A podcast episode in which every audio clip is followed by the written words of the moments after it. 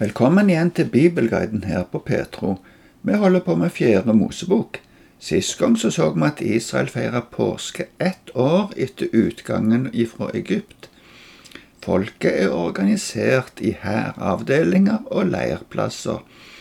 Det er avtalt hvem som skal frakte helligdommen, og hvordan dette skal skje.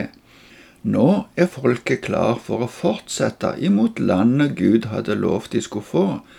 Vi er midt i kapittel 9. Resten av dette kapittelet forteller oss litt mer om hvordan Gud leda folket i ørkenen.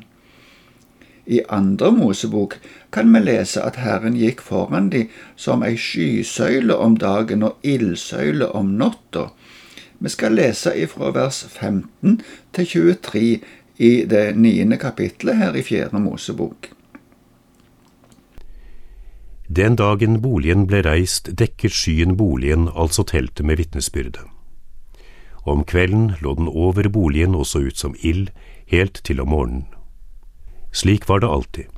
Skyen dekket teltet, og om natten så det ut som ild.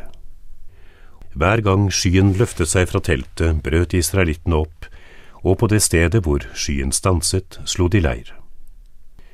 På Herrens ord brøt israelittene opp, og på Herrens ord slo de leir. Så lenge skyen lå over boligen, holdt de seg i leiren. Når skyen lå over boligen i flere dager, holdt israelittene Herrens påbud. De brøt ikke opp. Det hendte at skyen lå noen få dager over boligen. På Herrens ord holdt de seg i leiren, og på Herrens ord brøt de opp. Det hendte at skyen lå fra kveld til morgen. Når skyen løftet seg om morgenen, brøt israelittene opp. Enten det var dag eller natt, brøt de opp når skyen løftet seg. Enten skyen lå over boligen et par dager eller en måned eller enda lenger, holdt israelittene seg i leiren og brøt ikke opp. Men når skyen løftet seg, brøt de opp. På Herrens ord slo de leir, og på Herrens ord brøt de opp. På Herrens ord gjennom Moses holdt de Herrens påbud. Skya, som vi leser om her, var et tydelig uttrykk for at Gud var den som var med Israel og ledet de hele veien ifra Egypt og til det lova landet. Allerede med en gang folket drar ut fra Egypt, får vi fortellingen om at skysøyla gikk foran de. Det kan vi lese om i Andre Mosebok kapittel 13. Om natta var denne søyla lysende, så de kunne dra videre om natta òg, de gangene det var aktuelt. I det siste kapittelet i Andre Mosebok ser vi at telthelligdommen blir reist. Da kommer skya over helligdommen og fyller denne. Herren flytter inn i teltet, så det blir hans bolig. Det blir nevnt òg i det første verset av det vi leste i dag. Skya dekka boligen, eller telthelligdommen. Det viser Herrens nærvær. De kunne se det både dag og natt. Det var òg signalet for om Israel skulle bli værende der de var, eller om de skulle dra videre.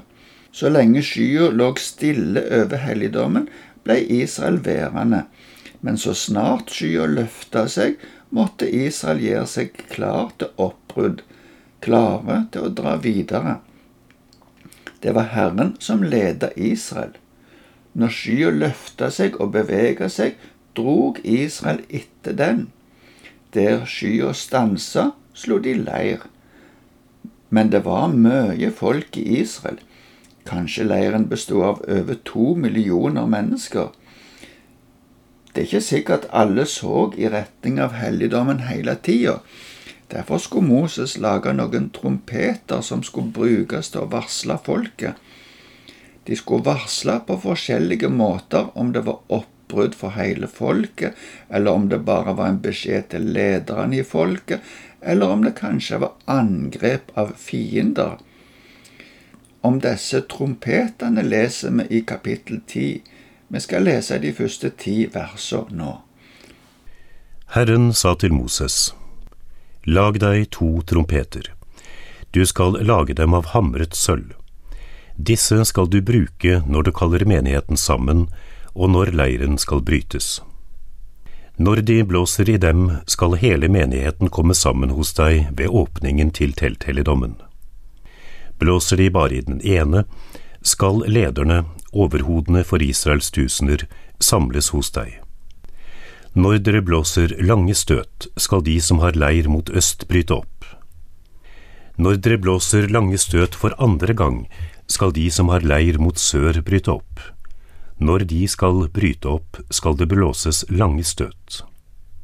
Når forsamlingen kalles sammen, skal dere gi signal, men ikke blåse lange støt. Det er Arons sønner, prestene, som skal blåse i trompetene. Dette skal være en evig ordning for dere fra slekt til slekt. Når dere drar i krig i deres eget land mot en fiende som går til angrep på dere, skal dere blåse lange støt på trompetene. Da skal Herren deres Gud huske på dere, så dere blir berget fra fiendene. På gledesdagene og i høytidene og på nymånedagene deres skal dere blåse i trompetene når dere ofrer brennoffer og fredsoffer. Det skal være en påminnelse om dere hos deres Gud. Jeg er Herren deres Gud.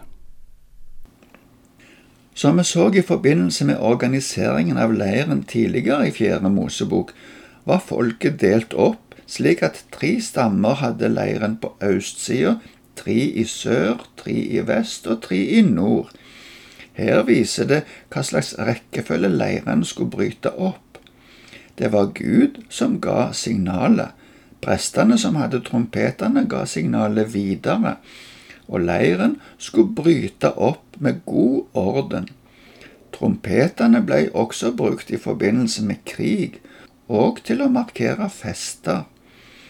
Det sies ikke mer om det i denne anledningen, men i fortsettelsen får vi en beskrivelse av sjølve oppbruddet fra Sinai. Den tjuende dagen i den andre måneden lufta skya seg, og Israel brøt opp ifra Sinai. Vi leser versene 11 til 17. I det andre året, på den tjuende dagen i den andre måneden, løftet skyen seg fra vitnesbyrdets bolig. Da brøt israelittene opp fra Sinai-ørkenen og dro videre i dagsmarsjer, og skyen stanset i Paran-ørkenen. Dette var første gangen de brøt opp på Herrens ord gjennom Moses. Leiren til judasønnene brøt først opp under sitt banner, hæravdeling for hæravdeling. Hærføreren var Nashon, sønn av Aminadab.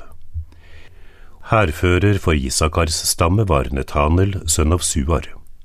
Hærfører for Sebulons stamme var Eliab, sønn av Helon.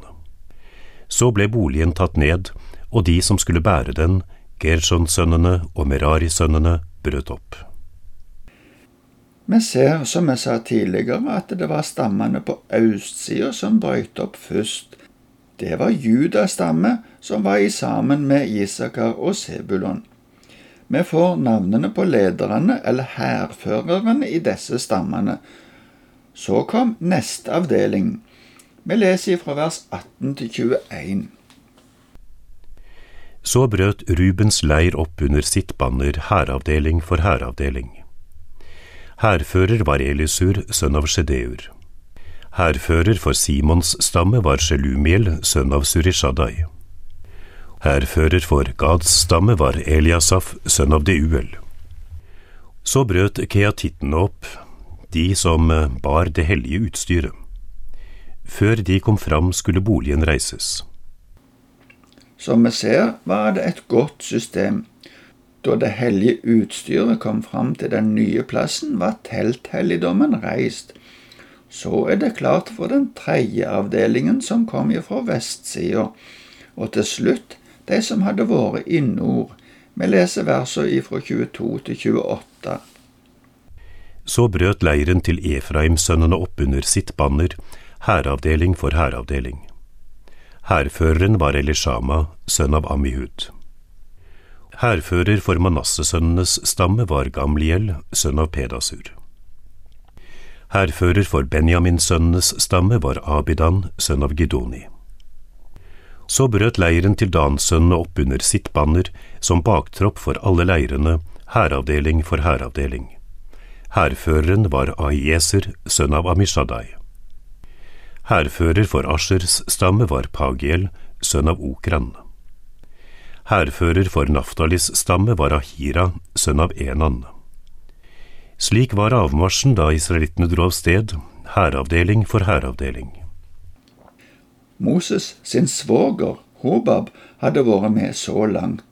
Det ser ut til at han ville dra hjem igjen, men sjøl om det ikke står her at han fortsatte i sammen med dem, så ser vi i Dommernes bok at familien hans hadde slått seg ned i Israel. Vi leser om Hobab ifra vers 29 til 32. Moses sa han til sin svoger Hobab, sønn av Reuel fra Midian. Nå bryter vi opp og drar til det stedet som Herren sa han ville gi oss. Kom med oss, så skal vi sørge godt for deg, for Herren har lovet det gode for Israel. Hobab svarte, Jeg blir ikke med, jeg går heller hjem til mitt eget land og min egen slekt. Da sa Moses, Du må ikke forlate oss, du vet jo best hvor vi skal slå leir i ørkenen, du må være øyne for oss. Går du med oss, skal vi la alt det gode som Herren gjør mot oss, også komme deg til gode. På slutten av kapittelet ser vi igjen hvordan Herren leder folket. Første etappe ser ut til å være tre dagsreiser. Moses kommer med et utsagn hver gang de bryter opp, og hver gang de slår leir. Det ser vi i de siste versene i dette kapittelet, fra 33 til 36. Så brøt de opp og dro fra Herrens fjell, tre dagsreiser. Og Herrens paktkiste dro foran dem, tre dagsreiser, for å finne et hvilested for dem. Herrens sky var over dem om dagen når de brøt opp fra leiren. Hver gang kisten brøt opp, sa Moses, Reis deg, Herre, la dine fiender bli spredt og dine motstandere flykte for deg. Og når den var i ro, sa han, Vend tilbake, Herre, til Israels ti tusen ganger tusen. Neste gang skal vi se hvordan det går videre på vandringen. Takk for i dag, og Herren være med deg.